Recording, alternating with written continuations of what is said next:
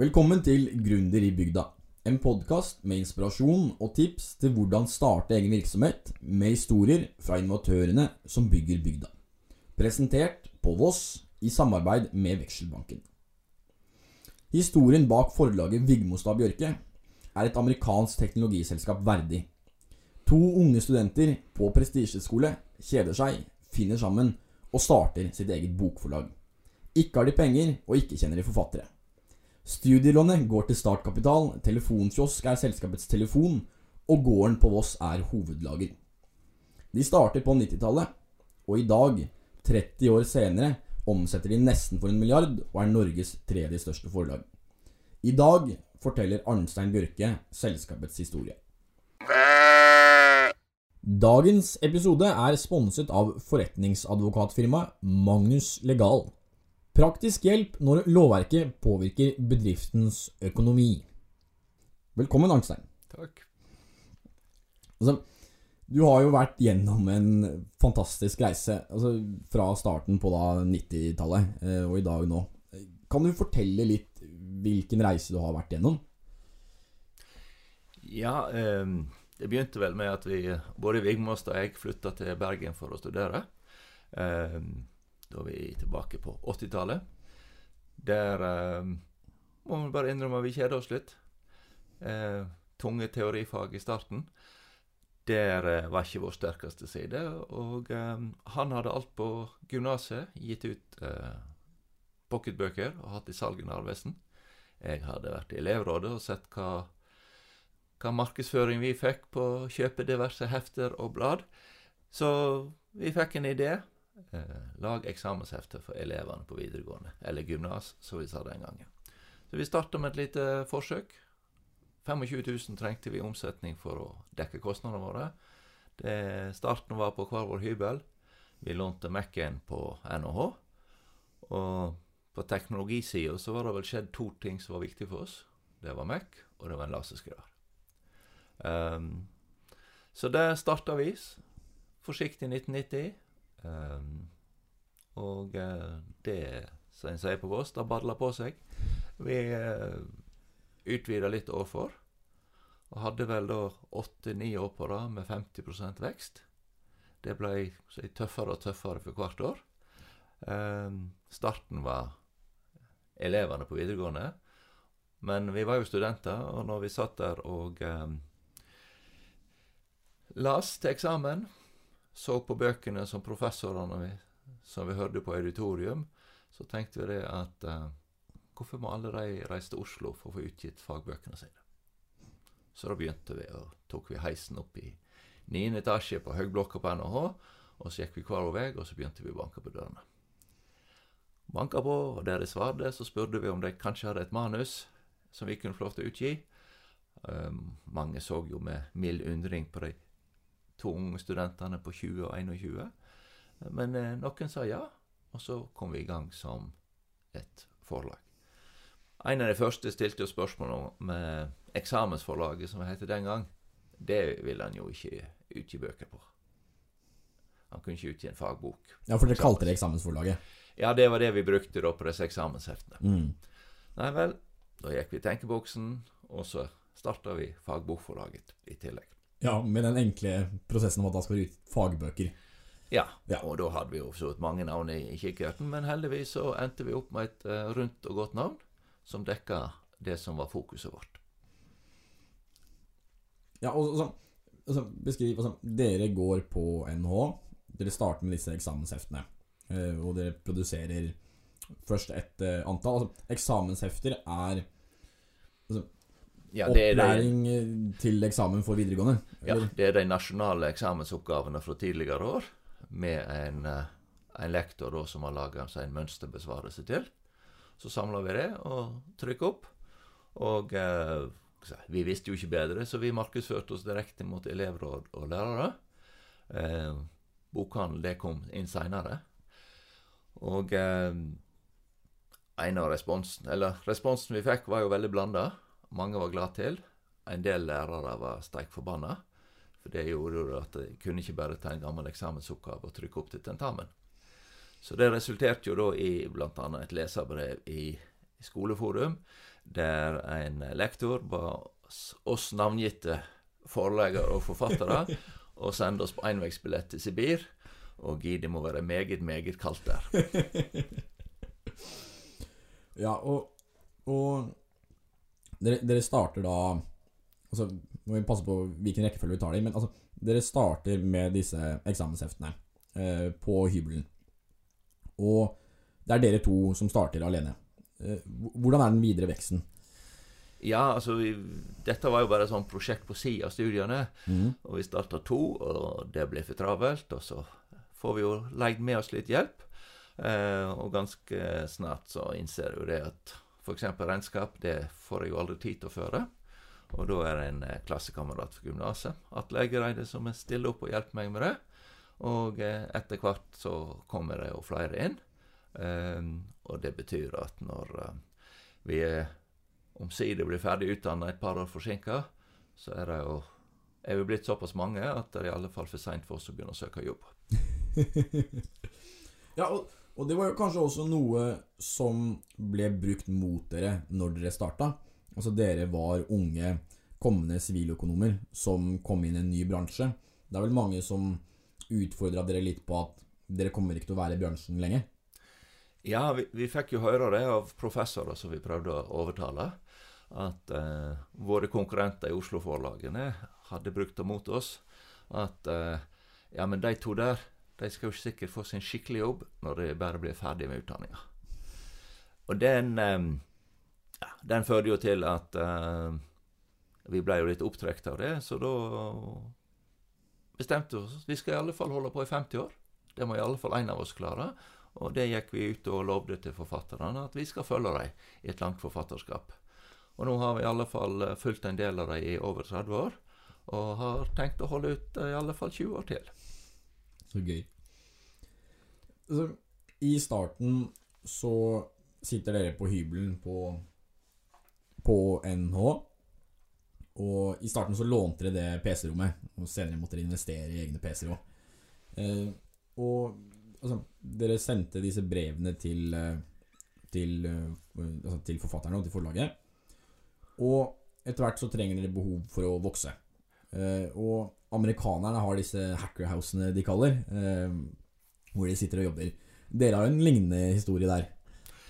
Ja, det, det ble jo tungvint å, å sitte på hver vår hybel. Eh, det å Den første vinteren pakka og sendte jeg ut 16 000 bøker fra en hybel på 16 kvadrat. Det var ikke så veldig fornuftig i lengden. Så vi fant ut vi måtte finne oss en felles plass å bo. Men det var dyrt, så da fant vi ut hvis vi tar med oss noen medstudenter, så kan vi et lite kollektiv. Eh, vi trodde vi kunne få leie et hus, men de fant ut de skulle selge, og plutselig endte vi opp med å kjøpe sitt hus i nabolaget til NHH. Og det ble en eh, kontor og lager i kjellerstua, og så, og så hybler i resten av huset. Eh, og ekstra lager i garasjen. Så det vært en eh, god start og en kraftig oppgradering. Eh, da også med eget telefonabonnement. Ja, ok. Ja. Og det er jo en eh, regel som Eller jeg tror dere var litt usikre på om dere kunne drive næringsvirksomhet fra, fra villaen eller ikke. Kan ikke du fortelle litt hvordan dere løste det? Den eh, Ja, vi var jo litt usikre på den. Eh, kanskje unødvendig bekymra, men vi ville være forsiktige. Så i plassen for at posten kom og henta hos oss, så endte vi da på å bruke varebil og kjøre alt til postkontoret og levere. Litt tungvint, men eh, var litt opptatt, litt bekymra for naboforholdet. og, og Atle og de andre som kom på jobb, så fant vi ut ok, bruk nå heller kjellerinngangen og gjør det litt diskré. Det er gøy. Så, og Atle har jo også en annen morsom historie hvor han tar over som økonomiansvarlig og fører regnskapet deres. Og dere har bank her på oss i Vekselbanken. Og dere er begge vossinger. Det er kanskje litt vanskelig å høre forskjell. Og altså, hva, hva gjør Atle når han trenger, trenger å få gjennom noe i Vekselbanken? Ja, da eh, Da var jeg på reise. Det var jo før mobiltelefonene var kommet. Så da ringer han opp han og, og eh, presenterer mitt navn for å si at nå må jeg gjøre en overføring. Eh, gikk jo utgangspunktet greit, da, men ene dagen så traff han på ei venninne av meg i banken, og da fikk han klar melding at det der Atle, det var ikke Arnstein. Så da ordna vi at han fikk fullmakt, og så slapp vi det problemet. Ja, og, og Atle er jo kanskje også et fint eksempel på reisen dere har vært gjennom. Han eh, kom til dere eh, altså, i starten av karrieren. Eh, studiet hans gikk vel sånn halvveis i vasken, for han jobba fulltid for dere. Og i dag, 30 år senere, så er han fortsatt med dere. Kan du forklare litt hvorfor, hvorfor er han det? Ja, når, vi har klart å, å bygge opp et, uh, et forlagshus som nå er over 400 ansatte En viktig grunn til det er jo at vi har klart å holde på at folk har valgt å bli med oss. Og, og Atle er jo et, et av mange eksempel der. Folk som kommer og begynner, og er med oss på den veksten videre. Mm. Og han har hatt seg de, de fleste roller innenfor uh, økonomi, salg, distribusjon, IT. Um, hadde bl.a. ansvar for all bokhandelkontakten. Uh, og det gjør de over 400 av. Uh, og så ifra 2011, når vi overtok Haugen Bok, og 2014 Akademika, så er han i dag eh, sentral på bokhandlersida. Og den, det å holde på folk Vi har aldri klart å få til den veksten og utviklinga hvis ikke vi hadde hatt folk som har vært med oss så lenge, og, og bygd opp så mye kompetanse innad i organisasjonen. Mm. Og du snakker, altså Han er vossing. Du også, trekker også fram en annen vossing, eh, Trond Soldal. Kan du fortelle litt bakgrunnen der? Ja, når, når jeg gikk på gymnaset, så var jeg akkurat begynt å komme inn PCR. Og en av de som har ansvar for IT på gymnaset, var inspektør. Det var Trond Soldal. Der eh, Han var blant de som eh, måtte håndtere den Scandic-krisen som var, med sånn fiaskoinnkjøp fra fylkeskommunen.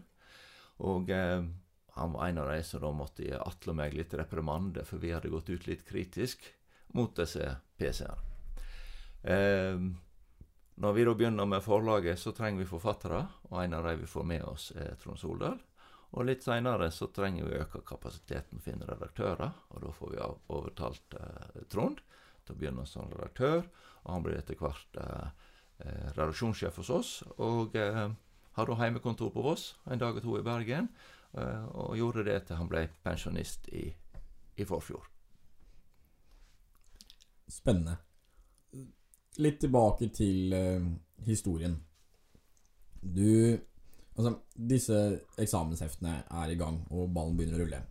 Så kommer det en reform i 94 som endrer strukturen på videregående. Og det har dere som unge kommende forleggere lyst til å være med på. Fortell litt den historien der.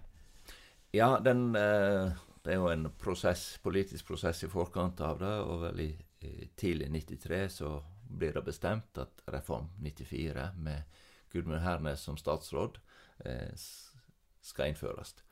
Vi henger oss på og ser store muligheter, og, og historisk så har det gjerne vært fire-fem forlag da, som har konkurrert om å lage lærebøker på de store fagene.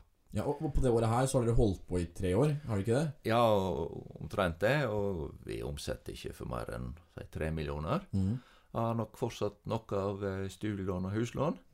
Eh, er vel kanskje litt ung og naiv, men vi satser, og, og satser vel egentlig like mye som vi omsetter da på disse nye læreverkene. Det som blir veldig tøft, er jo at det, ikke, det blir ikke tre, fire, fem konkurrerende bøker. Det ble 11-12. Og det gjør at alle øker innsatsen. Og det er i grunnen bare én eller to som kom ut i pluss. Mm. Vi klarte å bli nummer tre, eh, men det var ikke nok til at det ble butikk. Mm. Så da tenkte vi at ok, nå må vi, nå må vi bremse.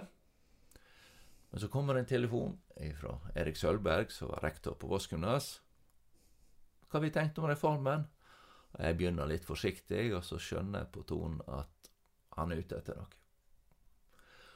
Og da er han interessert i å vrake, skifte ut Aschehoug, som har hatt et langt forhold til, med oss, og satse på de de unge.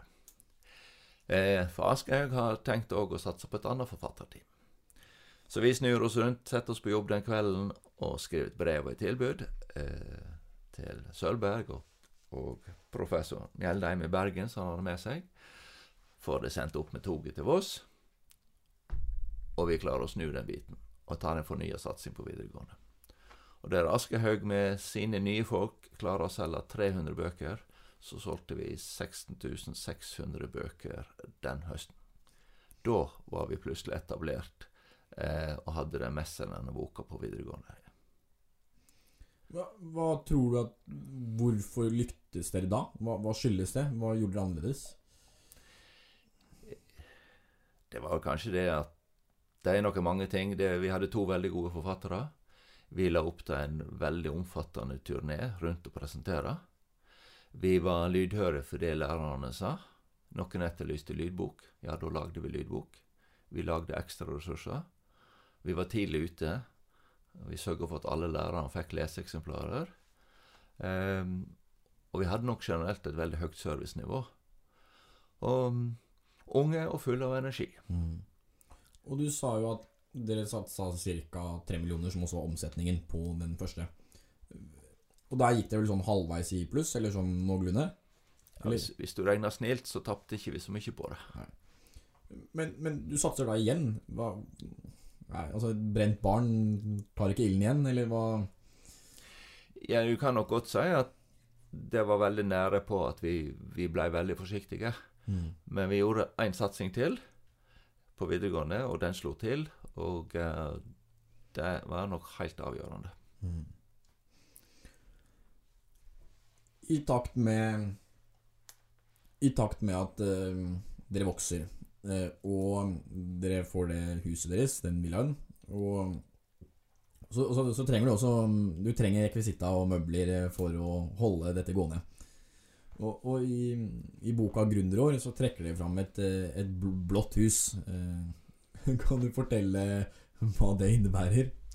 Ja da, du, vi var veldig opptatt av å spare penger. Så, og eh, ja, etter jappetida og, og, litt nedtur på slutten av 80-tallet, eh, så var det jo fortsatt litt konkurser. Og det, det å gå på konkurssalg og handle brukte kontormøbler og utstyr, det, det var vi ivrige med.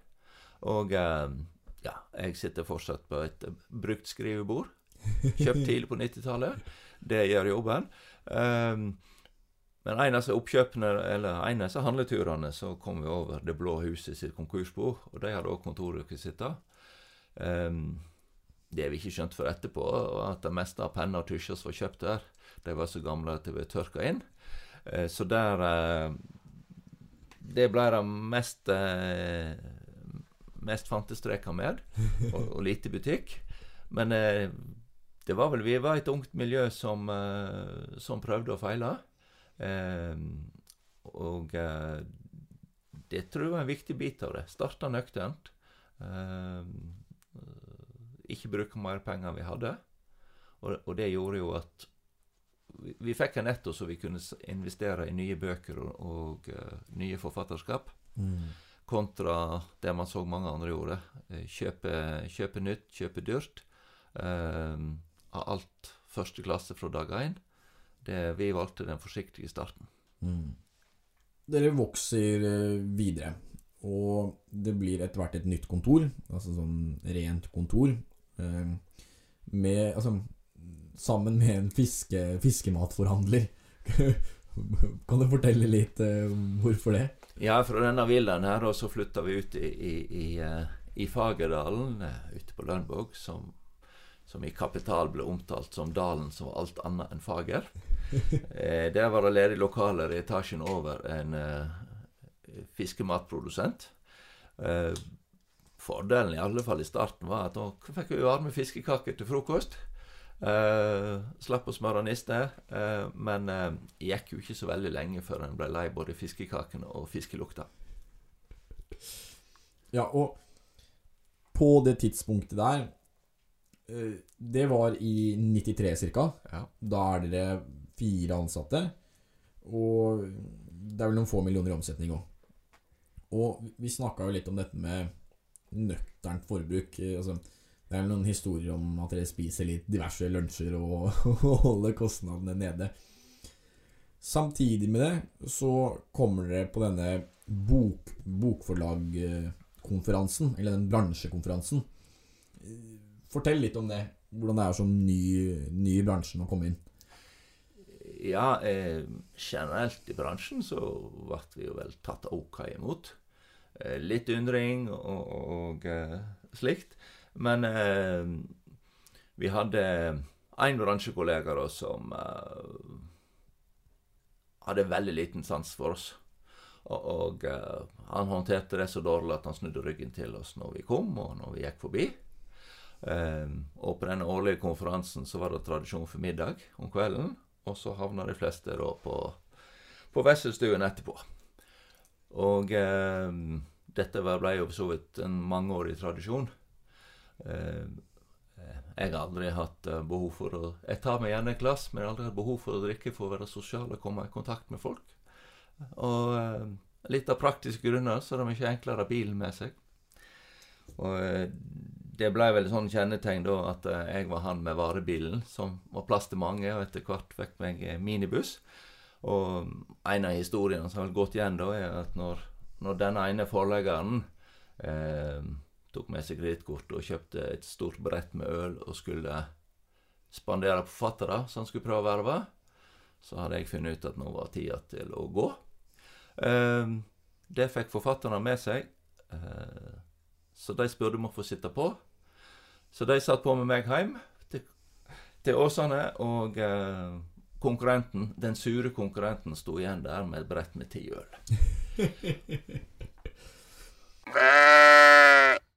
Dagens episode er sponset av advokatfirmaet Magnus Legal.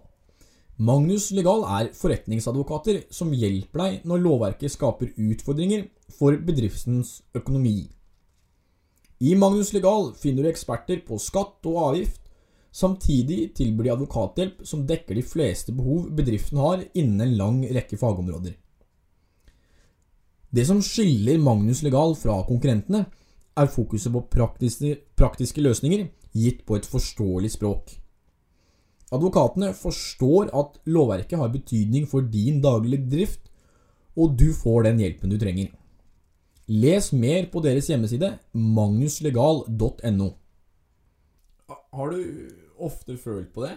Å liksom være ny, ny i bransjen, altså være underdog? Har det Hva tenker du om det, å være underdog? Ja, vi, vi var jo definitivt det.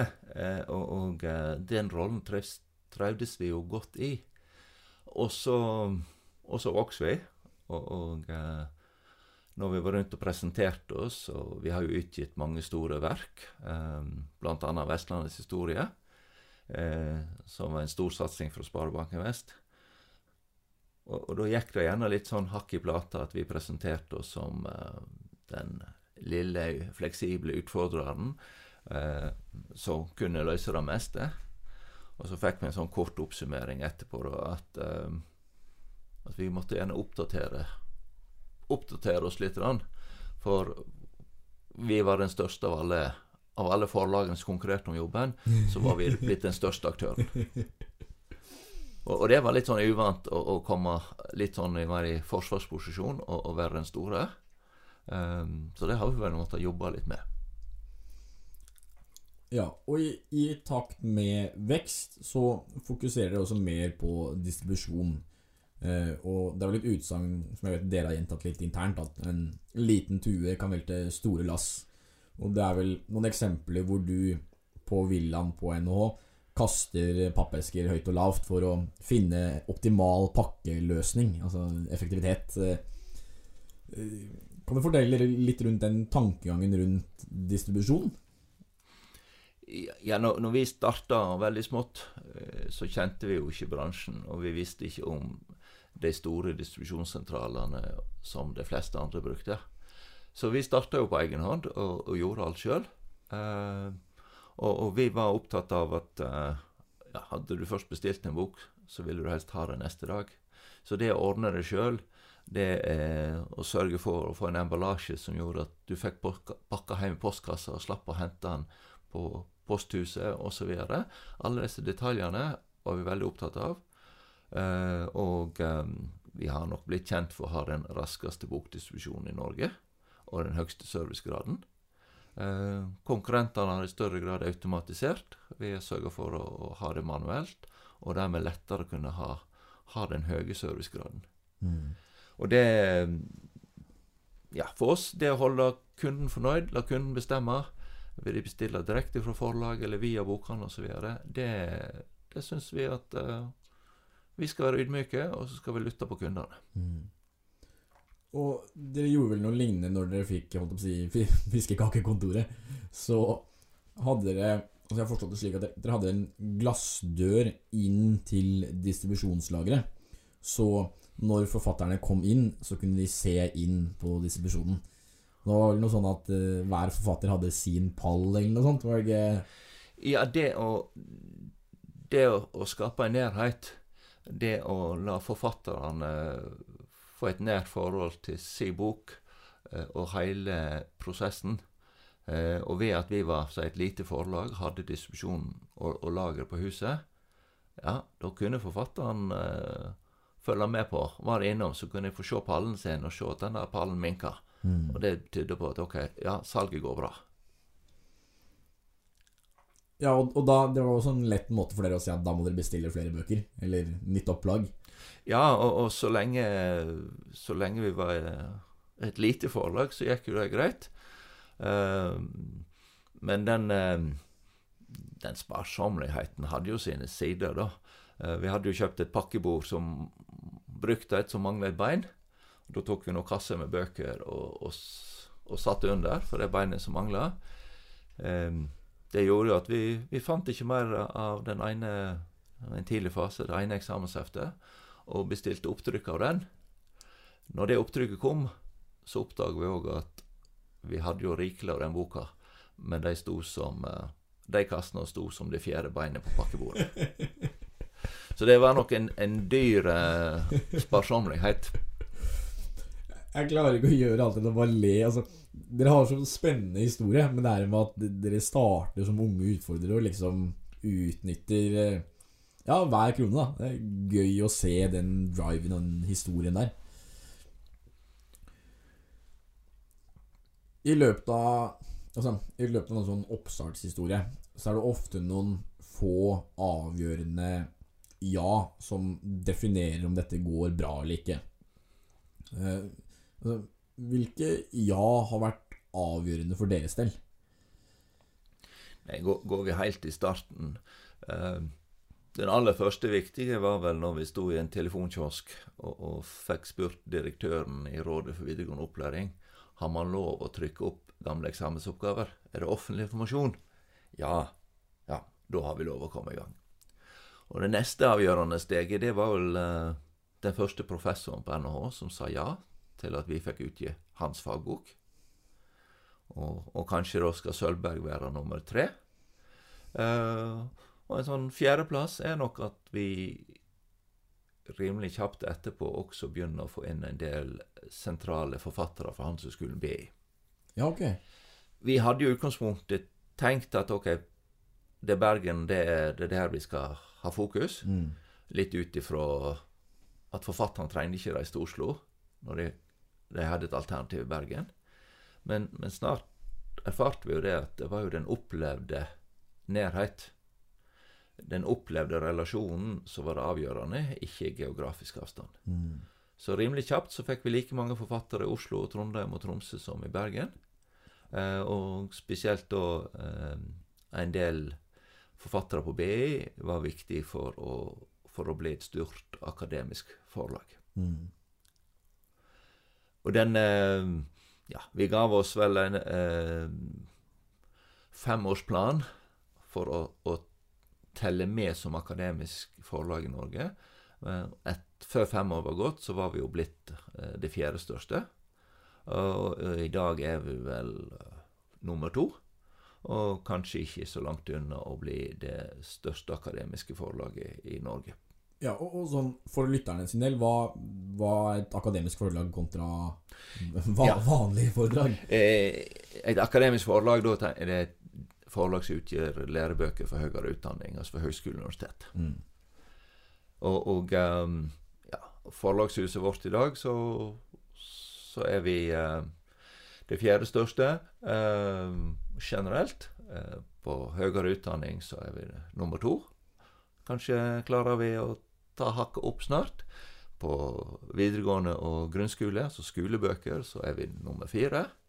Eh, og så eh, er vi vel kanskje nummer fem eller seks på allmennlitteratur. Mm. Um, men der de større konkurrentene våre da har drevet på i, i 100 år og mer, så er, vi, er nok vi det eneste større som er starta etter Mm. krigen. Mm. Og um, ja, det kan man om man ser det òg i et nordisk perspektiv. um, så er det nok ingen som etter 1990 har klart en så rask vekst som, som det vi har gjort. Um, og som fortsatt driver selvstendig. Mm. Og en del av denne veksten eh, skyldes oppkjøp. Eh, Det har vel nå passert 35 oppkjøp. Eh, og så Det starta med han Alma Mater-forlaget. Eh, og altså, det det er jo en morsom historie at eh, liksom, din medgrunnlegger Arno skriver en masteroppgave på siviløkonomstudiet eh, om eh, allianser og oppkjøp i forlagbransjen. Av hans liste på tolv eh, forlag, så har dere kjøpt opp åtte. Altså, kan du forklare filosofien? Altså, hvordan finansierer dere disse oppkjøpene? Ja, altså Litt strategien først. Han, eh, han skrev en oppgave, kartla og, og, og saumfarte bransjen og las regnskap. Eh, og vi valgte oss ut en del eh, som eh, det var naturlig ville skje en endring på eierskap. Det kunne være for at leder eller eier var nærma seg pensjon eller andre ting. Eh, vi fulgte godt med disse selskapene, og etter hvert så kom det muligheter. Eh, og ja, vi har nok overtatt åtte av de tolv på den lista hans. Det kan nok stemme. Eh, vi har tatt det steg for steg, og vi har holdt fast på et prinsipp at ok, oppkjøp det gjør vi med opptjente midler. Eh, vi skal ikke låne for å kjøpe opp. Vi skal ha rygg til å ta, et feilkjøp. Eh, og og den, eh, den regelen har vi holdt oss til. Ja, men, altså For meg som utenfra så er det altså, vanskelig å forstå. Altså, dere vokser 50% årlig, og, og dere likevel finansierer oppkjøpene med kapital. Altså, hvordan Hvor lønnsomme var dere? Nei, vi hadde nok på, på 90-tallet og, og 2000-tallet så hadde vi nok eh, god lønnsomhet en del år. Og vi, vi kjøpte det jo litt, litt over tid, eh, slik at man kan gjøre kjøp, eh, begynne å betale ned på det, og, og, og få frigjort penger til å ta et nytt kjøp igjen. Og så fra 2008 og, og fram til 2015 så, så kommer det en ganske intens periode med mange oppkjøp. Mm. Noen av de var eh, Blant disse så er det jo fra enmannsforlag til, til store forlag. Mm. Eh, det største forlagsoppkjøpet det var i 2015. Mm. Da, da, kjøpt, da var vi nummer fire, og så kjøpte vi det som var nummer fem, altså Skipsted forlag. Det som var starten på hele Skipsted-konsernet. Starta på 1830-tallet. Mm. Det var blitt så liten del av Skipsted at Skipsted ville ikke lenger drive forlag. Ja. Og da la jeg det ut for salg, og um, ja Vi var mange som konkurrerte om det, men vi klarte til slutt å, å, å, å vinne den budrunden, Mm. og overtok. Fikk med oss mange dyktige folk, masse gode forfatterskap og, og, eh, og en verdifull backlist. Um, så det, det Det gjorde jo at vi uh, jeg fikk enda tydeligere en sånn fjerdeplass i, i, i forlagsbransjen i Norge. Ja, men det var vel nå Jeg leste i Kapital nå nylig. Basert på omsetning så plasserer de dere som nummer tre. Ja, eh, det, det er helt rett. Eh, og hvis du ser bare på konsernomsetningen vårt forlagshus, inklusiv bokhandelen, så er vi større enn Aschehoug. For Aschehoug de eier litt under 50% i Nordli, og dermed så blir ikke det en del av Mm. konsernomsetningen. Men jeg tenker vi eh, Ja, vi tar heller den litt forsiktige tilnærmingen og sier nummer fire. Det var, det var kjennetegner der. Måten du sier det, måten du svarer på. Nøkternheten ligger fortsatt ganske godt i ryggmargen. Ja, det, det gjør han, men det er jo, det, det er jo mye kjekkere posisjon å være nummer fire. og, og, og uh, se fram til den uh, som vi har noen ambisjoner om å passere før vi, før vi gir oss, Mm. enn å være den som er nummer tre og ser at det er en som haler innpå det hvert år. Altså, øh, snakker om øh, Snakker om konkurrenter. Altså, Aschhaug er ofte kjent for sine hagefester. Eh, og altså, tett med kultur henger sånn julebord og ansattfester. Aschehoug Aschhaug med hagefestene. Øh, hva gjør dere for å bygge kultur og skape en sånn unikhet rundt dere? Ja, vi, vi, vi gjør jo for så vidt mange ting, eh, hvis du ser bort ifra det siste koronaåret. Men én tradisjon som vi har blitt litt kjent for da, blant eh, forfatterne, er at vi har en smalahovefest i Bergen. Og den har vi på lageret. Da dekker vi langbord eh, mellom eh, høyreolene. Og, og de siste årene så har vi hatt 160-70 personer til bords. Da koker vi smalahavet ute på parkeringsplassen eh, og, og serverer middag og heimebrygg og det som hører til. Eh, foredrag først, middag. Eh, dans og sosialt samvær etterpå. Og, og eh, gjennom årene så har det blitt flere og flere tilreisende.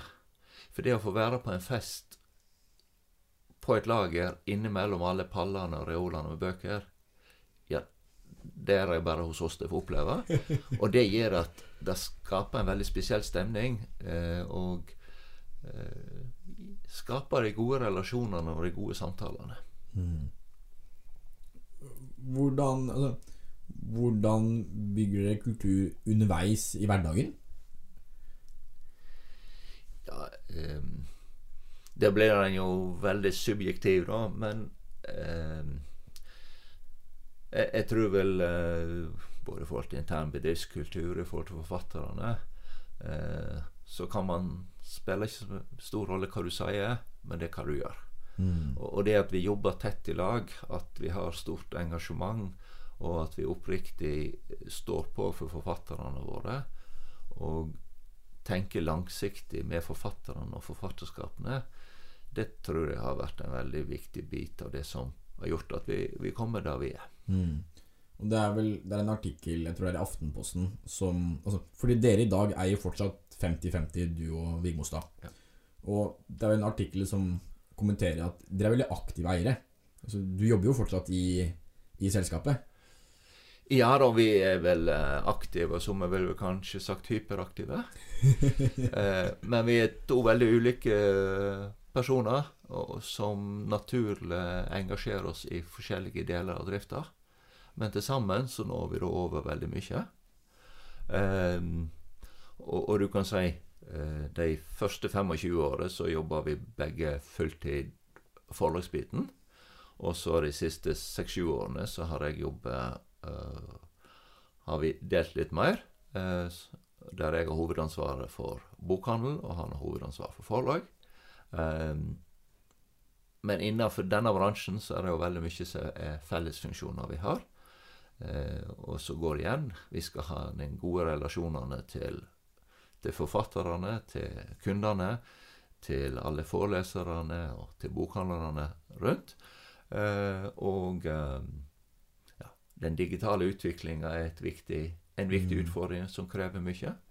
Og eh, så kulturmessig så har det, er det store fellestrekk mellom hva som skal til for å skape en god kultur, enten det er et forlag eller i bokhandel. Mm.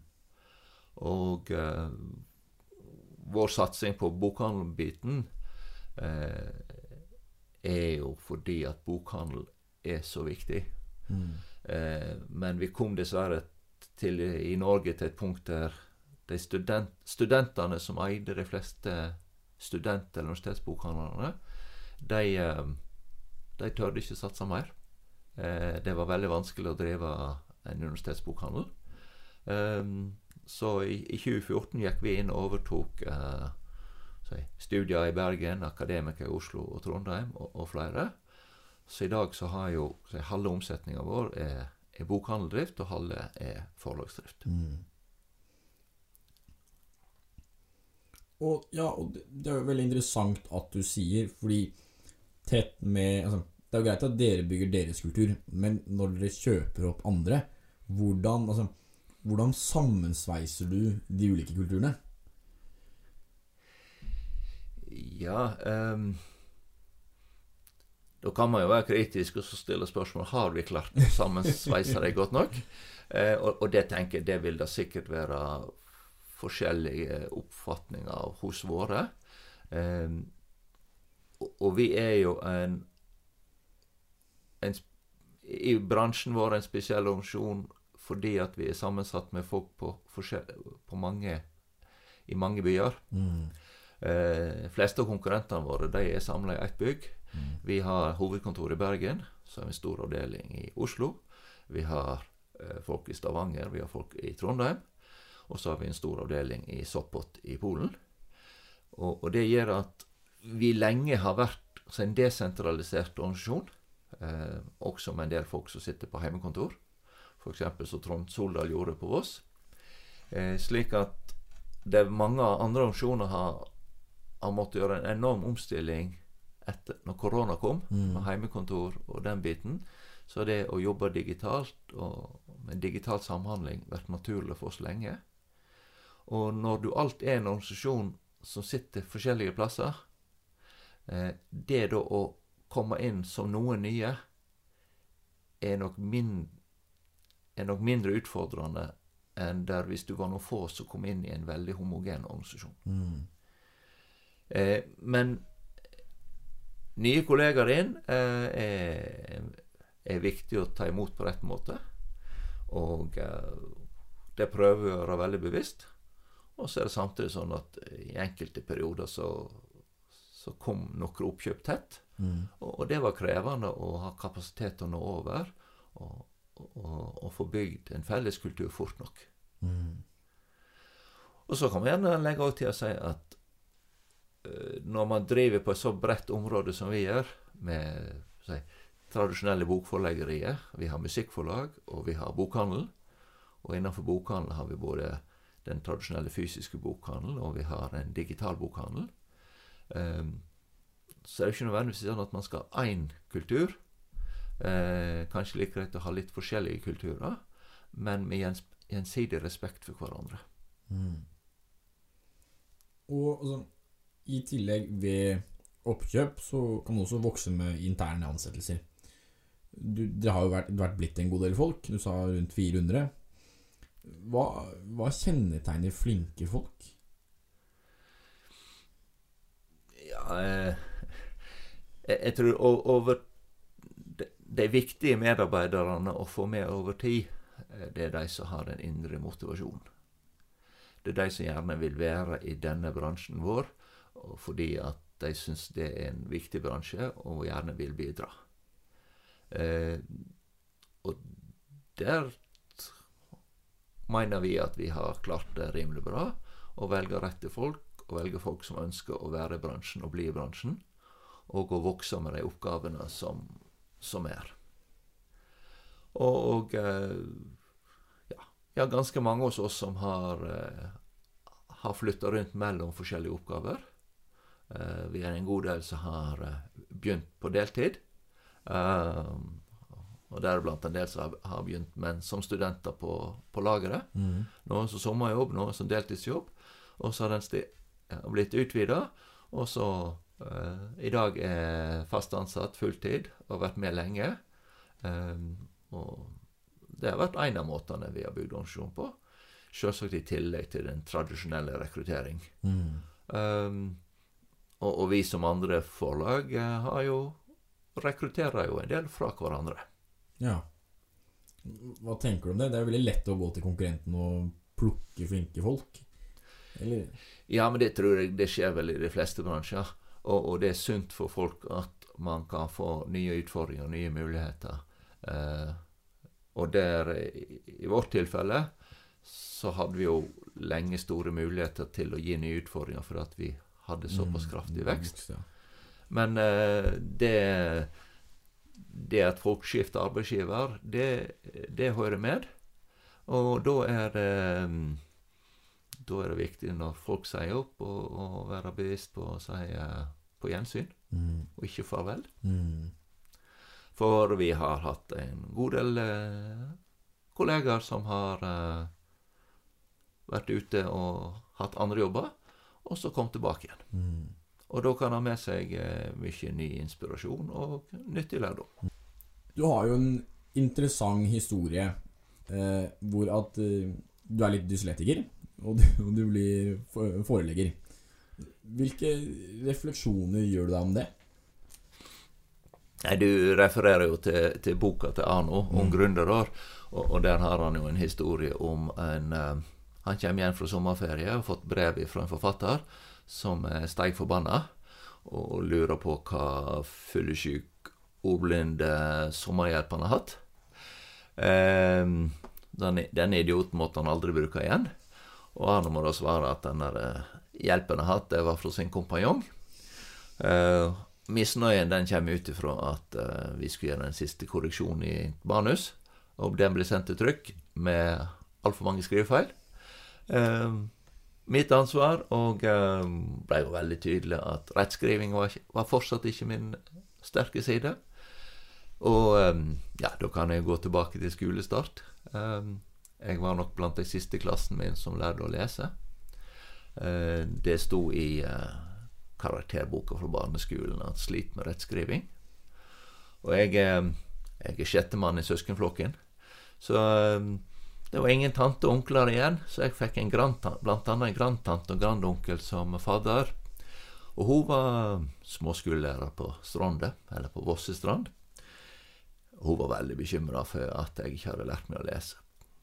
Og de, mine eldre søsken de eh, herma jo da at eh, jeg eh, skal ha svart at nei, kan ikke lese, men jeg kan regne. og eh, det var nok tidlig det at jeg var veldig mye mer opptatt av tall enn av tekst. Og hadde mer anlegg for, for tall enn tekst. Mm. Og der er vel i, i dag òg at si, Eller i våre 30 år som partnere, Arne og meg, så har den naturlige arbeidsdelingen at han er definitivt veldig mye bedre på tekst, og, og jeg har størst interesse for tall uh, og det praktiske.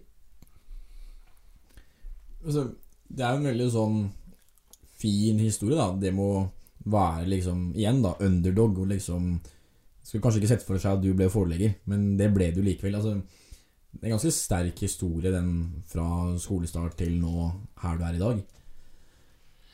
Ja, eh, det så jeg, Igjen så har disse søsknene mine syns jo det er et stort paradoks at uh, akkurat jeg skulle ende opp i forlagsbransjen. Mm.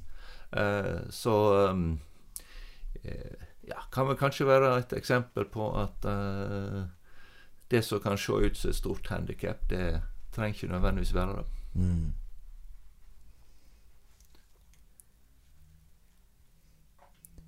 Du snakka om at noen av altså, folk får uh, sommerjobb på lager hos dere. Og du har jo en lignende historie hvor du får sommerjobb eh, hos Vekselbanken eh, på Voss. Og i dag holdt jeg på å si, så sitter du som en av de største aksjonærene. Eh, kan du fortelle litt om altså, litt om Vekselbanken, og hvorfor du velger å plassere kapitalen din her? Ja, jeg, den ene er jo sommerjobben. Um, etter Gunnarsen så fikk jeg sommerjobb. Eh, den tid så var jo en, en oppgave som tok tid. Det var å sortere stygge og fine hundrelapper. Så jeg, jeg satt en god del av sommerferien og sorterte hundrelapper. Og det, når man bunker dem opp og tellemaskinen og teller opp, så passer det akkurat med en million kroner i brukte hundrelapper i en, i en kasse med kopipapir. så um, ja, Det er så rart å tenke etterpå da, at vi var to sommerhjelpere som tok med oss hver vår sånn kasse inn i russebilen som jeg fortsatt hadde, og kjørte bort på postkontoret. Kunne vel godt gått. Og der sendte vi det som verdipakke. En million kroner. En million hver. Vi kunne jo like godt svingt til, til høyre, og så kjørt til Bergen og tatt Englandsbåten, eh, med en million brukte sedler hver. Eh, den tid var det vel normalt. Jeg tror nok ikke det skjer lenger Nei. i dag. Når det gjelder, uh, gjelder Vekselbanken uh, Ja, hvorfor jeg kjøper aksjer i Vekselbanken, det er vel egentlig mer Burde vel mer spørre hvorfor er det så f- få andre, hvorfor er det så få på Voss som kjøper aksjer i den banken? Um, Det er jo sånn at der betaler du ca. 60 øre for en krone. Og eh, jeg syns det er rart at ikke flere ser at det er en eh, trygg og god pensjonssparing. Så det burde jo flere gjøre. Mm. Du har også et lignende eksempel med Sogn Sparebank òg, har du ikke det? Ja, det er i grunnen det samme. Det er en liten lokal eh, sparebank eh, som har litt eh, egenkapitalbevis, eh, som eh, dessverre får seg verdien i. Mm. Så da har jeg gjort det, og så har jeg kjøpt en del der. Mm.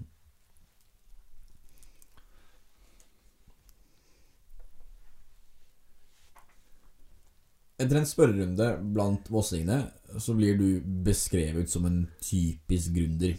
Eh, I det så legger de at du er nøktern, detaljorientert, og, og at du ikke gir deg. Eh, Et eksempel som blir brukt, er altså, noen av disse oppkjøpene deres hvor det tar veldig mange år altså fra første kontakten er laga, til du får kjøpe dem. Og da altså, er det flere som har kommentert at de andre forlagene gir seg, men du står på og holder på. Kan du fortelle litt om det? Ja, vi, en av disse forlagene som Arno eh, skrev om og analyserte, der eh, var det jo en eldre. En, en um, Ja, han var vel omtrent 70 når han starta forlaget, og, og, vi begynte å så vidt kurtisere han når han var 75. Når han var 77, så tok han seg tid til en kaffekopp med meg, og jeg fikk flette inn et spørsmål om at dersom han kanskje en gang i framtida ville vurdere noe, om han da kunne ringe meg, så skulle ikke jeg mase. Det lovde han å gjøre, og eh, vi møttes på messer og, og møttes iblant. Eh, jeg maste ikke. Ti år etterpå, når han var 87, da ringer han og sier nå kan vi ta en samtale. Han sa da at da ville han gå ut til fire forlag og eh, eh, hente inn tilbud. Og eh, vi ba om å få møte han så fort som mulig, og det fikk vi. Jeg var på vei til India for å besøke trykkeriet trykkeri vi brukte der. Boka om heimreisen, så etter å ha flydd hele natta, så flydde vi rett til Oslo. Jeg gikk i møte, Arne og jeg gikk i møte med han og eh, hans advokat. Og når møtet var ferdig, så sa han du at jeg venter litt med å ha møte med de andre. Han eh, holdt dialogen med oss, insisterte lenge på at han skulle ha majoriteten og fortsette som styreleder til han var 90 år. Eh, men i løpet av noen måneder så fikk vi nå Lirkan på plass og overtatt forlaget hans. Og, og det er i dag fortsatt en viktig del av uh, vår satsing på grunnskolen, og ikke minst det som vi kaller norsk 2, norsk som andrespråk, eller norsk for innvandrere til Norge. Mm. Så det er eh, Ja. For vår del så viste det å være tålmodig nok der var viktig. Og så andre ganger så er det jo om å gjøre førstemann til mølla. Ok, ja. Og så Et eksempel på det var vel når uh, Viktor Nordmann gikk av som statsråd og tilbake på NHH. Um, så var det grunn til å tro at han ville skrive bok. Så da var det å komme seg ut og, og, og få tak i han. Og um, jeg fant ut uh, Han var opptatt, så satte jeg meg ned i trappa og venta. Og uh, han hadde flere møter, jeg satt og venta. Og til slutt så skjønte vi nordmannen at um, ja, ok, den der forleggeren han fikk nå få lov å få tre minutter. Og da var det i grunnen det samme, at eh, jeg lovde å ikke mase hvis han lovde å gi beskjed når han hadde bestemt seg om han skulle lage bok. Mm. Og det gjorde han, og, og vi ga ut boka hans. Mm. Hadde det vært en dag seinere, så hadde tipper jeg noen andre hadde kommet før oss. Jeg må jo også ta et sidespor til hvordan jeg kom i kontakt med deg. Eh, Jeg sendte deg mail i oktober eller november, tror jeg. Eh, Og vi er i dag i mars. Og jeg, jeg kom i kontakt med via en del bekjente. Det er en del ledd mellom oss for jeg kom i kontakt. Men jeg syns likevel at eh, det er gøy, den prosessen da med å komme i kontakt. Og når jeg først fikk kontakt med deg, så var jo det velvilligheten selv. Det var jo ikke måte på. Så det setter jeg veldig stor pris på, at du tar deg tid. Ja, du har vel bevist eh, tålmodigheten din, og utålmodigheten, ved å eh, Og det tror jeg er, er en viktig egenskap. Eh, En eh, Jeg må være kjapp å snu seg, eh, men jeg må ikke gi opp. Mm. Um, og så Ja da, og det viste du til fulle å holde ut. og, og de samme vossingene, de forteller at du alltid holder på med noe. Eh, og når du får spørsmål om å koble av, så svarer du ofte at du bare trenger å koble om til andre oppgaver. Altså, hva, hva ligger i det? Eh, nei eh, Ja, det, det, er flere innfallsvinkler til den hvis en skal gå litt mer på det generelle. Og, og kan bli en litt lang intro. Um, for 15 år siden så ga vi ut Vestlandets historie. Det var et kjempeprosjekt, uh, og med 25 forskere. Lærdom, eller En av de viktigste læringspunktene fra det prosjektet og det bokverket for meg, det var vestlandsbonden. Hva kjennetegner den? Jo, mangesysleriet. Mm. Det var nødvendigheten av å drive med mange ting, og tilpassa det en dreiv med til hva naturen kunne tilby, og til årstidene. Og eh, som oppvoksen på gard på Voss, og med en far som var veldig allsidig, og som helst driver med kanskje litt for mange ting, så det preger nok oppveksten min.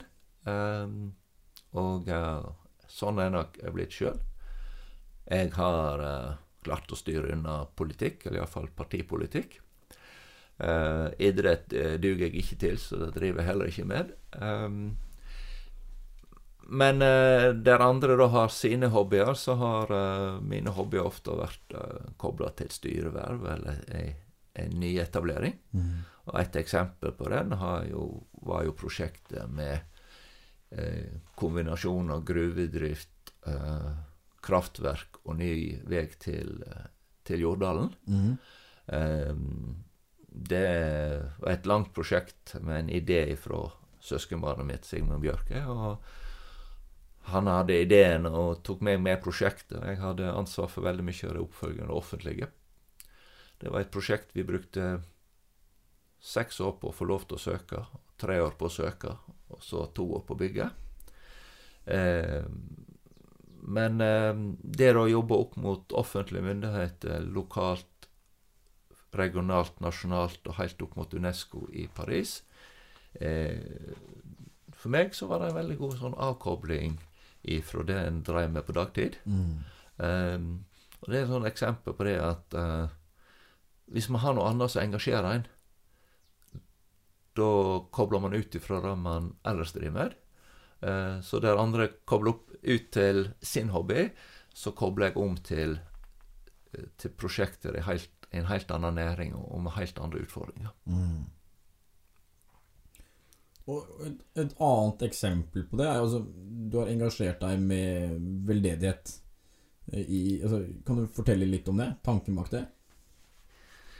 Ja eh, Det er liksom sånn sterkt eh, barndomsminne er ifra at vi fikk eh, eh, fastebøsse på barneskolen.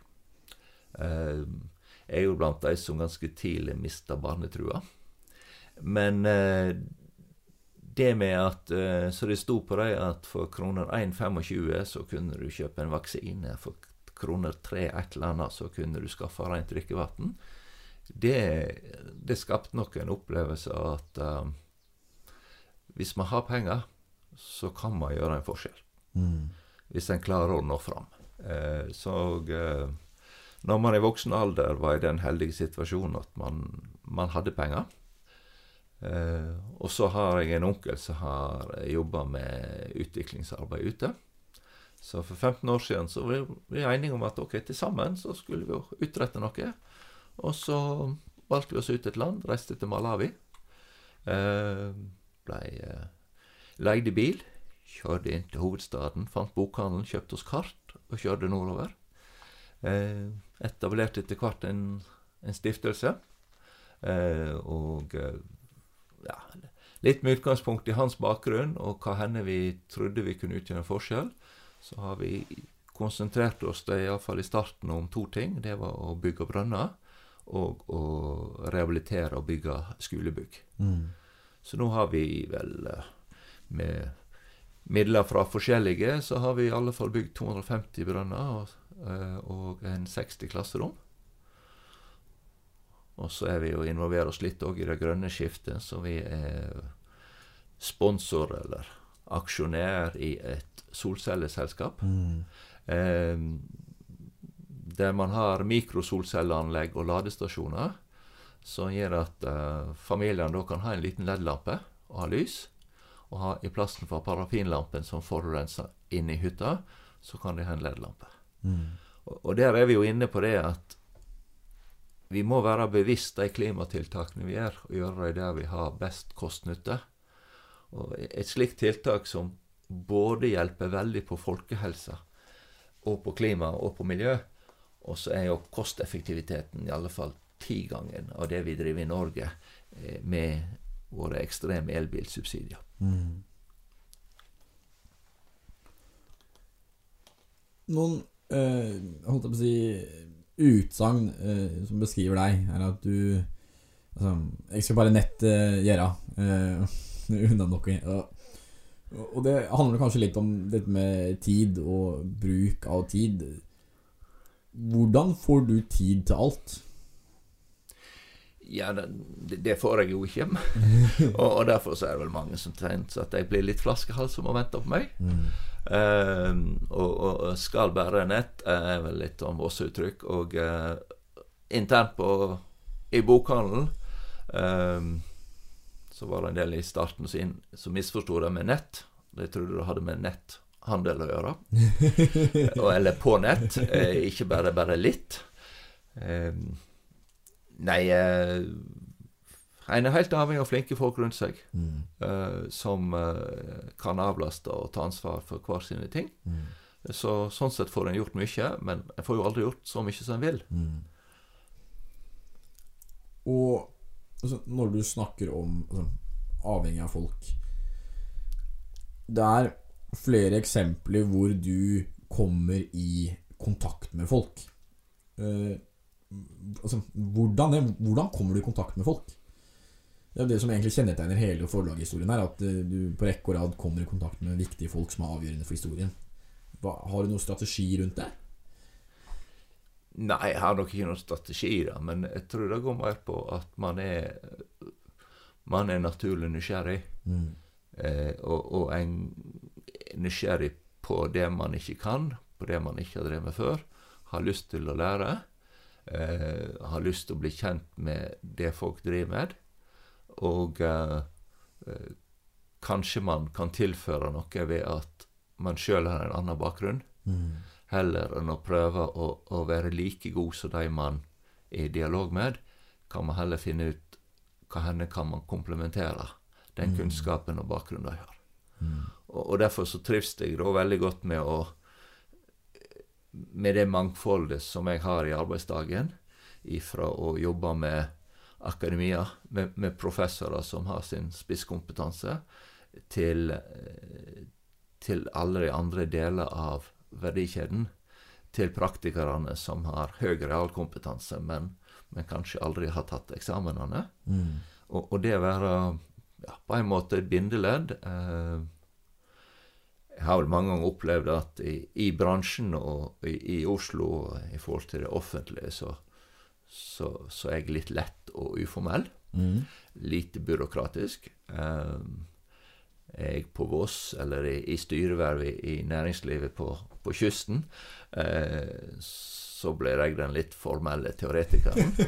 og, og, og det å, å være skjæringspunktet, det har, alltid, har jeg alltid syntes vært uh, lærerikt. Mm. Og altså, lokalavisa Hordaland sammenligner deg med Steve Jobs. Aftenposten beskriver deg som Askeladden. Har du selv noen forbilder? Ja, jeg tenker vel at uh, Hordaland tok litt av, men, men eh, eh, ja, I forhold til Aftenposten altså vi, eh, Arne og jeg vi kom helt uten bransjeerfaring, uten kapital av betydning, uten nettverk, og, og fra feil by. Eh, norsk bokbransje har vært ekstremt Oslo-dominert. Eh, er det for så vidt fortsatt. I grunnen den eneste av betydning som er utenfor Oslo.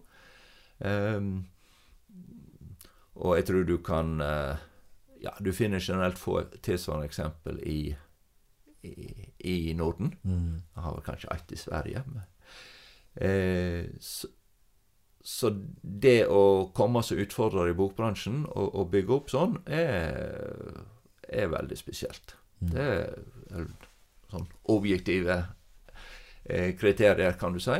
Eh, ja, hvem skal man ha som forbilder? Eh, skal vi ta eh, eh, av, av de vi i, i nåtid har interesse av å følge, eh, så kan jeg vel trekke fram Bill Gates. Um, og, og, for meg så er, har jeg større interesse av det han, har gjort, det han i dag gjør, Mm. enn det han bygde seg opp på. For det, det er så tydelig å ta et standpunkt om at uh, vi må gjøre en drastisk endring i verden. Uh, vi må ta på alvor de store utfordringene vi har. Uh, det trenger vi en felles innsats på. Og, og, og det går han foran, og, og er veldig tydelig. Og det, det burde nok veldig mange flere av oss. Mm. Og holdt, Vi har jo for så vidt vært litt innpå det, men altså, gjennom livets løp altså, Hvem har påvirka deg mest?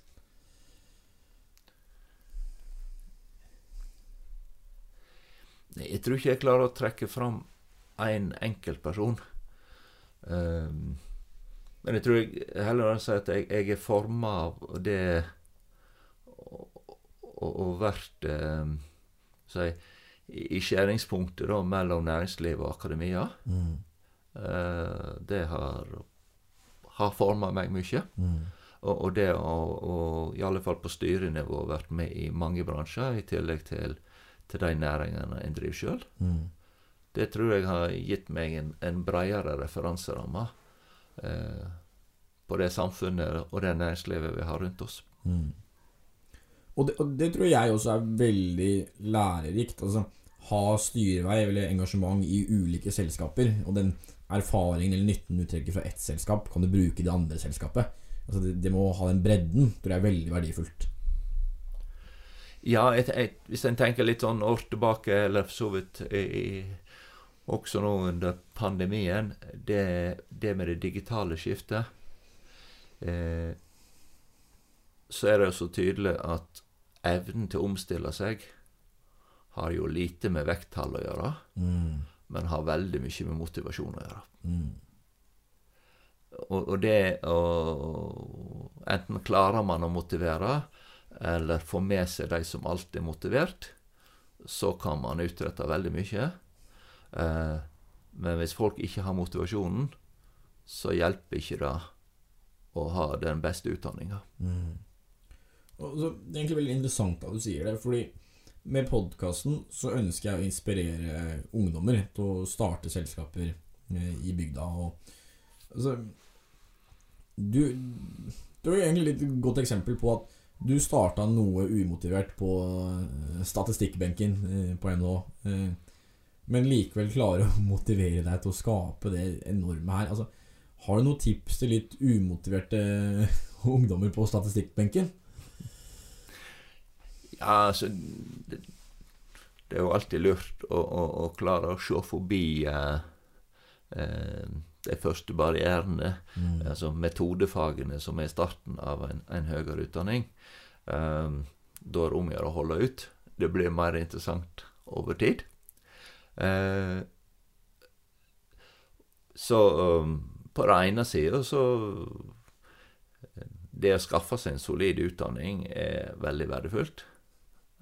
Andre veien eh, Hvis du står midt oppi det og har de gode ideene, eh, men du kanskje opplever et press fra omgivelsene rundt deg at ok, først ta utdanninga, Mm. eh, så er det viktig å høre på den indre stemma og motivasjonen òg. Mm. Jeg tror i alle fall det er veldig lurt å komme i gang med den utdanninga, Mm. men, men eh, hvis anledningen er der, muligheten byr seg, eh, så bør man av og til gripe muligheten Ja, ja, før det går for lang tid. ja, for tett med det henger også kanskje den hvis, hvis, altså, Hvilke tips vil du gi til deg selv, 20 år gamle Arnstein? Hva, hva ville du sagt til han? Nei, på ene side så tror jeg vi har hatt veldig godt av å ha hatt noen år i arbeidslivet hos noen andre. Eh, der. Andre veien så tror jeg det er veldig stor sjanse for at hadde vi først Hadde man først kommet inn i den eh, i, i det hjulet eh, og karriereløpet, så skulle man gå ett hakk til og ett hakk til. Eh, og da hadde si, kostnaden med å starte opp som gründer, det å si opp eller velge bort en, fast, trygg jobb, den hadde vært så stor at da hadde man gjerne feiga ut. Ved at vi starta veldig småskala eh, som studenter, da ofra vi en del fritid. Etter hvert så utsatte vi noen eksamener og forlenga studiet. Men vi hadde ikke ett punkt da vi gjorde det store, avgjørende valget. Nei. Det skjedde ja. gradvis. Og det gjorde nok at for oss var det en mye mindre beslutning enn for de som er i en situasjon og sier at ok, jeg har en fast, trygg jobb. Um, skal jeg si opp den for å satse på noe veldig usikkert? Um, Det der var fint at du sa. Det følte jeg traff veldig. Det er, at du aldri tok et stort valg, men heller mange små. ja, veien blei til mens vi gikk, for vår Mm. del. Uh, Og, og så ser det litt sånn at hvis du hadde vært 20 år i dagens samfunn, hva, altså, hva hadde du gjort da? jeg, jeg hadde vel gjort det samme en gang til. Eh, men sånn skal man sånn forsøksvis objektivt eh, se tilbake, så skulle vi satsa tøffere. Vi, vi hadde altfor forsiktig budsjett. Vi var altfor sein med å ansette folk og vokse og bygge en profesjonell organisasjon. Eh, det skulle vi gjort mye kjappere. Vokst enda raskere. Eh, men eh, for ikke være så tradisjonell, da, eh, og si at ok, skulle vi gjort noe annet eh, Så hvis, hvis jeg var 20 i dag, eh, skulle begynt på høyere utdanning, og det ikke skulle vært bokbransjen eh, eh, som var målet, så hadde jeg nok satsa på i skjæringspunktet økonomi og teknologi inn mot det grønne skiftet. Både for at der er det fantastisk masse spennende muligheter. Eh, der må det skapes mye nytt. Eh, og fordi at det er jo det er den største utfordringa vi har som samfunn framover. Ja, og og oppfølgingsspørsmålet mitt skulle være litt eh, altså, Hvilke muligheter ser du for ungdommen? Men du er jo inne på det, da. Altså, dette grønne skiftet og skjæringspunktet med teknologi. Se, altså, ser du noen utfordringer for ungdommen? Ja, altså, det er Jeg har vel et stort samfunnsproblem med at veldig mange opplever et enormt press. Eh, opptakskravene mange plasser er så knallharde at altfor mange blir bare gående og ta opp igjen fag og ta opp igjen fag, uten at det skaper egentlig noe forbedring, verken for person eller samfunn. Eh, mange unge opplever et veldig press fra de rundt seg og fra foreldre på at det, det er liksom bare en teoretisk utdanning som, som teller. Um, eh, jeg syns det er viktig å, å skaffe seg utdanning og kompetanse, men det er mange veier til eh, Det er mange veier fram der. Eh, og vi trenger så definitivt de med en yrkesutdanning og de med, med praktiske ferdigheter òg. Og, og, og det er like viktige og gode jobber det som det å gå på at alle skal føle seg pressa inn på et universitet. Mm. Det var fint sagt. Vi kan også avslutningsvis pensle mer over på refleksjon. Altså Nå har vi vært gjennom historien fra oppstarten til det det er i dag. Så hvilken faktor tror du har vært mest avgjørende for din suksess? Ja eh. Nei, jeg tror vel uh, Det partnerskapet som jeg har hatt med, med Arno, at, at vi har vært uh, utfylt hverandre. Uh, mange har gjennom årene liksom kommentert på at vi er så ulike, og at det går bra. Vi er vel veldig bevisst på at det er jo fordi at vi er ulike utfyller hverandre, at vi tror vi har fått til å skape det vi har skapt. Mm. Um, så jeg tror det Ingen av oss hadde klart, og ingen av oss hadde orka å gjøre det aleine. Um, så vi har vært heldige i det med å være to. Um, og så er ja, Vi opplever at det er en veldig meningsfull del av næringslivet vi opererer i. Mm. Det å kunne bidra til uh, gode leseopplevelser, leselyst, kunnskapsformidling. Uh, og, og et helt spesifikt felt. Uh, når det kommer flyktninger til Norge, og en del av de er analfabeter, det å lage et læremiddel som gjør at de både lærer seg å lese og skrive, og lærer seg å beherske det språket der de er kommet, og bli en integrert del av samfunnet. Ja, en del eksempler på hva enormt mye det har betydd for folk. Da opplever man at er veldig meningsfullt, det vi driver med. Mm. Altså, ofte tett med suksess og det å lykkes, så henger ofte altså, utfordringer og nedturer også. Altså, hva har deres største utfordringer vært, og, altså, og hvordan kommer du deg gjennom det?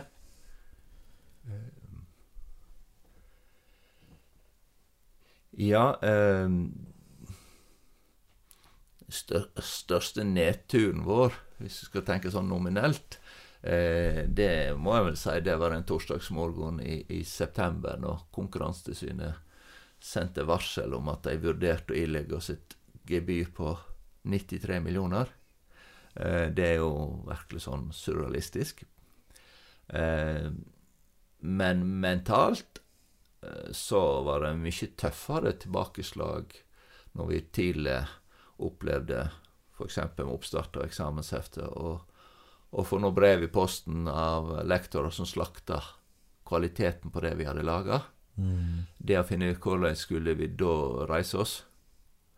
Eh, eller når vi til Reform 94 opplever at det blir så enorm pågang med konkurrenter at det er jo altfor få elever å dele på. Mm. Dette her kom ikke til å bli lønnsomt. Eh, det var nedturer som, som man brukte tid på å fordøye og jobbe seg gjennom. Mm. Mens den, den der, eh, Det varselet om den der uh, vanvittige bota, Mm. eh, den tenkte vi OK, ikke faen. Mm. Eh, vi kalte inn til et Teams-allmøte. Gav tydelig beskjed inn at vi fortsetter som før. De aller fleste av oss vi skal jobbe som før. Vi fortsetter å ansette folk. Skrive kontrakter med nye forfattere og satse. Og så får noen av oss jobbe med å løse den saken og svare av den. Og satse på tilsynet henlegger saken, eller trekker tilbake. Og um, blir det stående et gebyr, så blir det stående gebyr.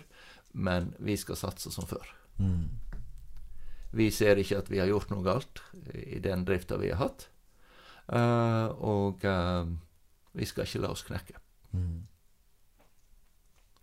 Men igjen så tror jeg tilbake til at ja, vi er, ikke, vi er to for all del, men vi har en veldig solid organisasjon med folk rundt oss som vi jobber veldig godt sammen med. Og, og da er man sterk til sammen. Mm. Og, og, og litt altså, Veldig tett med det du sier. Altså, konkret, hvordan håndterer du motgang? Altså, hva, hva gjør du når det blåser som mest? Jeg tenker eh, Ja, en av grunnene at jeg fortsatt eh, jobber mye og, og tenker at det går bra, er at jeg har et godt sovehjerte. Mm. Eh, jeg eh, klarer å skille mellom eh, eh, Ja. Jeg klarer iallfall å koble om, om ikke så ofte å koble av. Eh, og, og det Ja, jeg tror det er dels en del person, eh, personlighetstrekk. Eh, Jeg har alltid sagt den dagen jobben blir slik at man ikke får sove om natta, da er det på høy tid å ta alvorlig fatt. Så det er nok dels person, og så er det dels det at man jobber i lag med folk rundt seg som man veit man, man jobber mot det samme mål, og, og, man er flere om det ikke står alene. Mm. Og hvis du ser tilbake på det arbeidet du har lagt ned i Forlagshuset, altså, hva er du mest stolt av? Eh, jeg, jeg, tror vel Det er vel det å, å ha klart det som um, forfatteren Trond Andreassen skrev om i boka Bok-Norge. Det har aldri lykkes å etablere et uh, sterkt levedyktig forlag i Bergen. Eller for den saks skyld utenfor Oslo. Um, vi har vist at man kan komme utenfor den bransjen, og, og trulig med overføringsverdi, uten, uten bransjeerfaring, uten kapital, uten nettverk, og likevel eh, med stor innsats eh, og tålmodighet, så kan man få det til.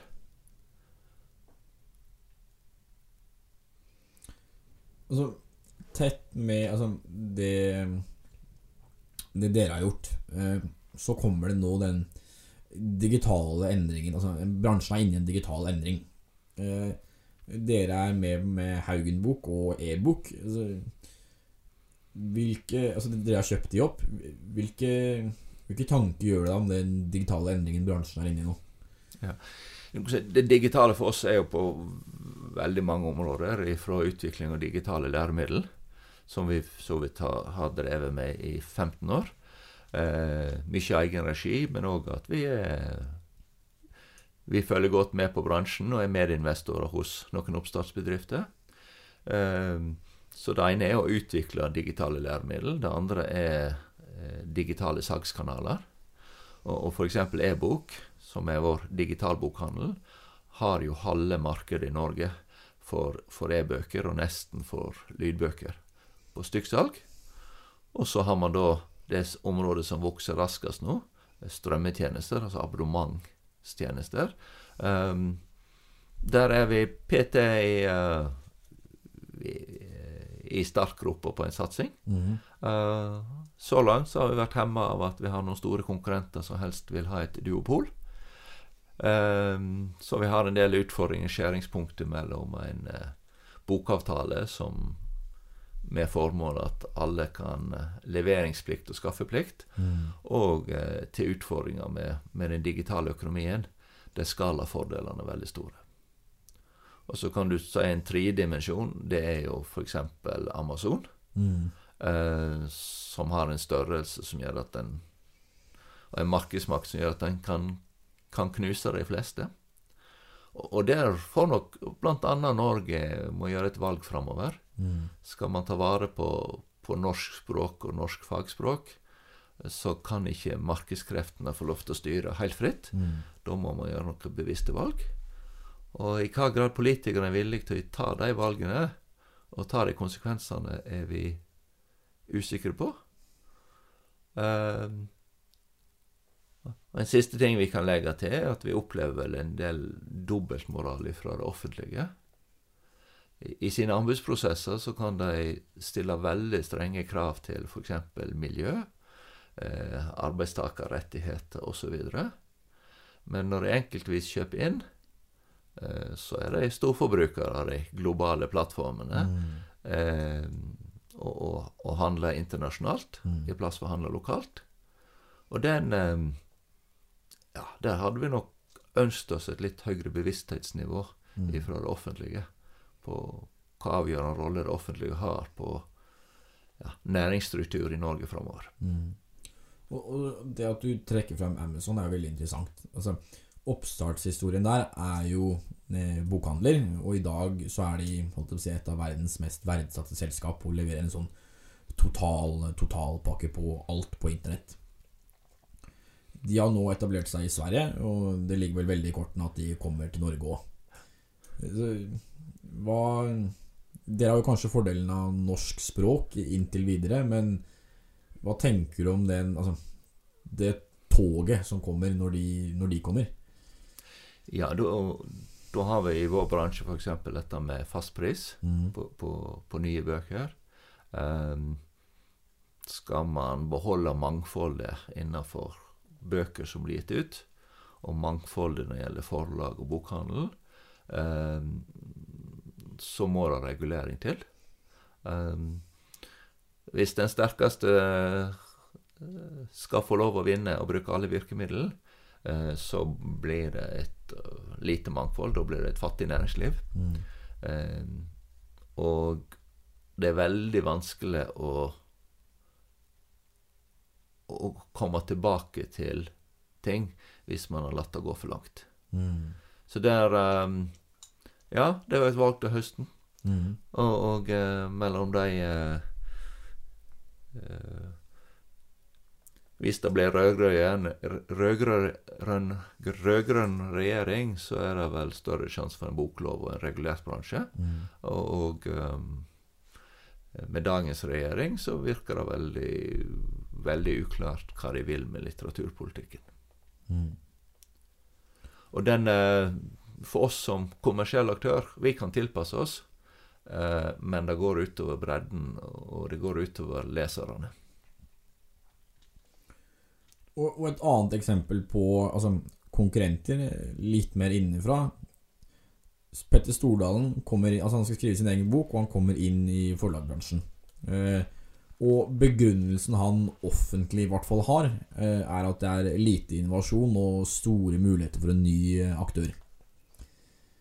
Altså, hva, altså, nå ble han riktignok litt kort her, da. han solgte seg vel ut i år eh, pga. noe pandemi og noe greier. Men hva, hva tenker du om at eh, han kommer utenfra og sier det? Og, og ser kanskje litt det dere så for noen mange år siden. Hva, hva tenker du om en sånn aktør som Stordalen som kommer inn? Og, et, og han ble vel eh, fjerde største eller noe sånt på veldig kort tid. Ja, altså han eh, Der vi i, i hovedsak har skapt nye forfatterskap og, og, og bygd nye ting, så har vel han eh, i hvert fall i en viss grad blitt kritisert for i stor grad å overtatt forfatterskap fra andre. Eh, og, og så veldig langsiktig ble han jo ikke. Eh, den eh, eh, Ja, bransjen vår trenger fornying eh, på en del områder. Men så er det sånn spørsmålet hva er målet? Er det at det skal være mest mulig lønnsomme forlag, eller er det at det skal være et mangfold i bransjen? Eh, og, og hvis en ønsker et mangfold, så må det være rom for å slippe nye forfattere til. Det må være rom for å bruke tid på at den første boka kanskje ikke selger så mye. Men det er på den måten man bygger opp nye forfattere. Eh, og innenfor undervisning og, og høyere utdanning så er det lange prosesser og lange løp. Eh, vi har gjerne utgitt en doktoravhandling til en, eh, en til en som har tatt doktorgraden innenfor juss. 20 år etterpå så er kanskje den personen kommet så langt at han utgir en lærebok. Mm. Og så selger jeg gjerne den boka i 20 år. Mm. Og, og det viser hvor lange prosesser det er. Mens innenfor mer underholdningssegmentet og kjendissegmentet så kan du snu opp ned ting på, på få år. Men det er vel kanskje ikke den viktigste biten av norsk bokbransje. Nei, ok, ja. Og altså, det som en gang var et uh, oppstartsselskap med dere, og som utfordret det etablerte altså, Dere har i dag selv blitt en av de etablerte. Hvordan altså, jobber dere inn med innovasjon og nyutvikling i et etablert selskap? Ja, der um, Vi vil jo si at vi gjør mye der, og så vil sikkert andre si at uh, vi er for lite. Vi, den, eh, Rent sånn objektivt, den avdelingen, eller det området hos oss som har hatt størst vekst i antall uh, ansatte de siste fem-ti årene, er jo innenfor det digitale og innenfor si, forretningsutvikling. Så det er vi veldig bevisst på og satser på. Og så er det selvsagt rom for andre å si at de er flinkere, og de satser mer. Mm. Um, men uh, vi mener at vi er bra plassert. Mm. Du, har, du har uttalt at dere skal holde på i 50 år. Nå, nå har 30 år gått.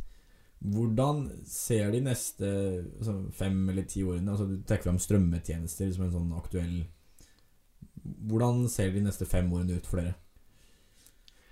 Nei, vi uh, Vi må følge med, og vi må tilpasse oss. Uh, og eh, ja, da er det jo blant annet litt avhengig av rammevilkårene fra myndighetene. Mm. Og hva, hva bransje vil politikerne ha. Um, og den Men fra vår side, så Vi er jo spredd utover et veldig bredt område. Så si, den, ut, den utviklingen du ser innenfor grunnskole, f.eks., kontra høyere utdanning, kontra allmennmarked, kontra strømming eh, det, er, det er ikke ett svar på den. Hvert område har, har sin framtid. Um, vi har tenkt å være med på de fleste områdene. Um, men må jo tilpasse satsinga vår ut ifra hva vi ser av utviklingstrekk. Mm. Nå har vi altså, ganske godt oppsummert starten på 90-tallet til her du er i dag, eh, med diverse anekdoter og sidespor. Jeg ønsker med podkasten å inspirere unge eh, og, altså, med gründerskap. Har du noe mer du vil legge til samtalen? Nei, altså, når jeg var yng yngre, så så undrer en seg vel av og til hva når- de eldre skulle komme med sånne ekspertuttalelser. Så det tilsier gjerne at dere det skal være litt sånn forsiktig med. Um, men jeg tror vel gjerne å si at uh, Våg å prøve. Uh, for de fleste så tror jeg en angrer mer på å ikke ha prøvd, enn på å ha prøvd. Mm. Og så er det ingen skam å prøve å ikke få det til. Det er det som regel mye god lærdom i. Og så er det kanskje andre, tredje eller fjerde ganger det, det går veldig bra. Sjøl om eh, en må tåle noen nedturer underveis. Og med det så tror jeg vi takker for praten, Arnstein. Veldig givende å ha deg. Sjøl takk. Takk.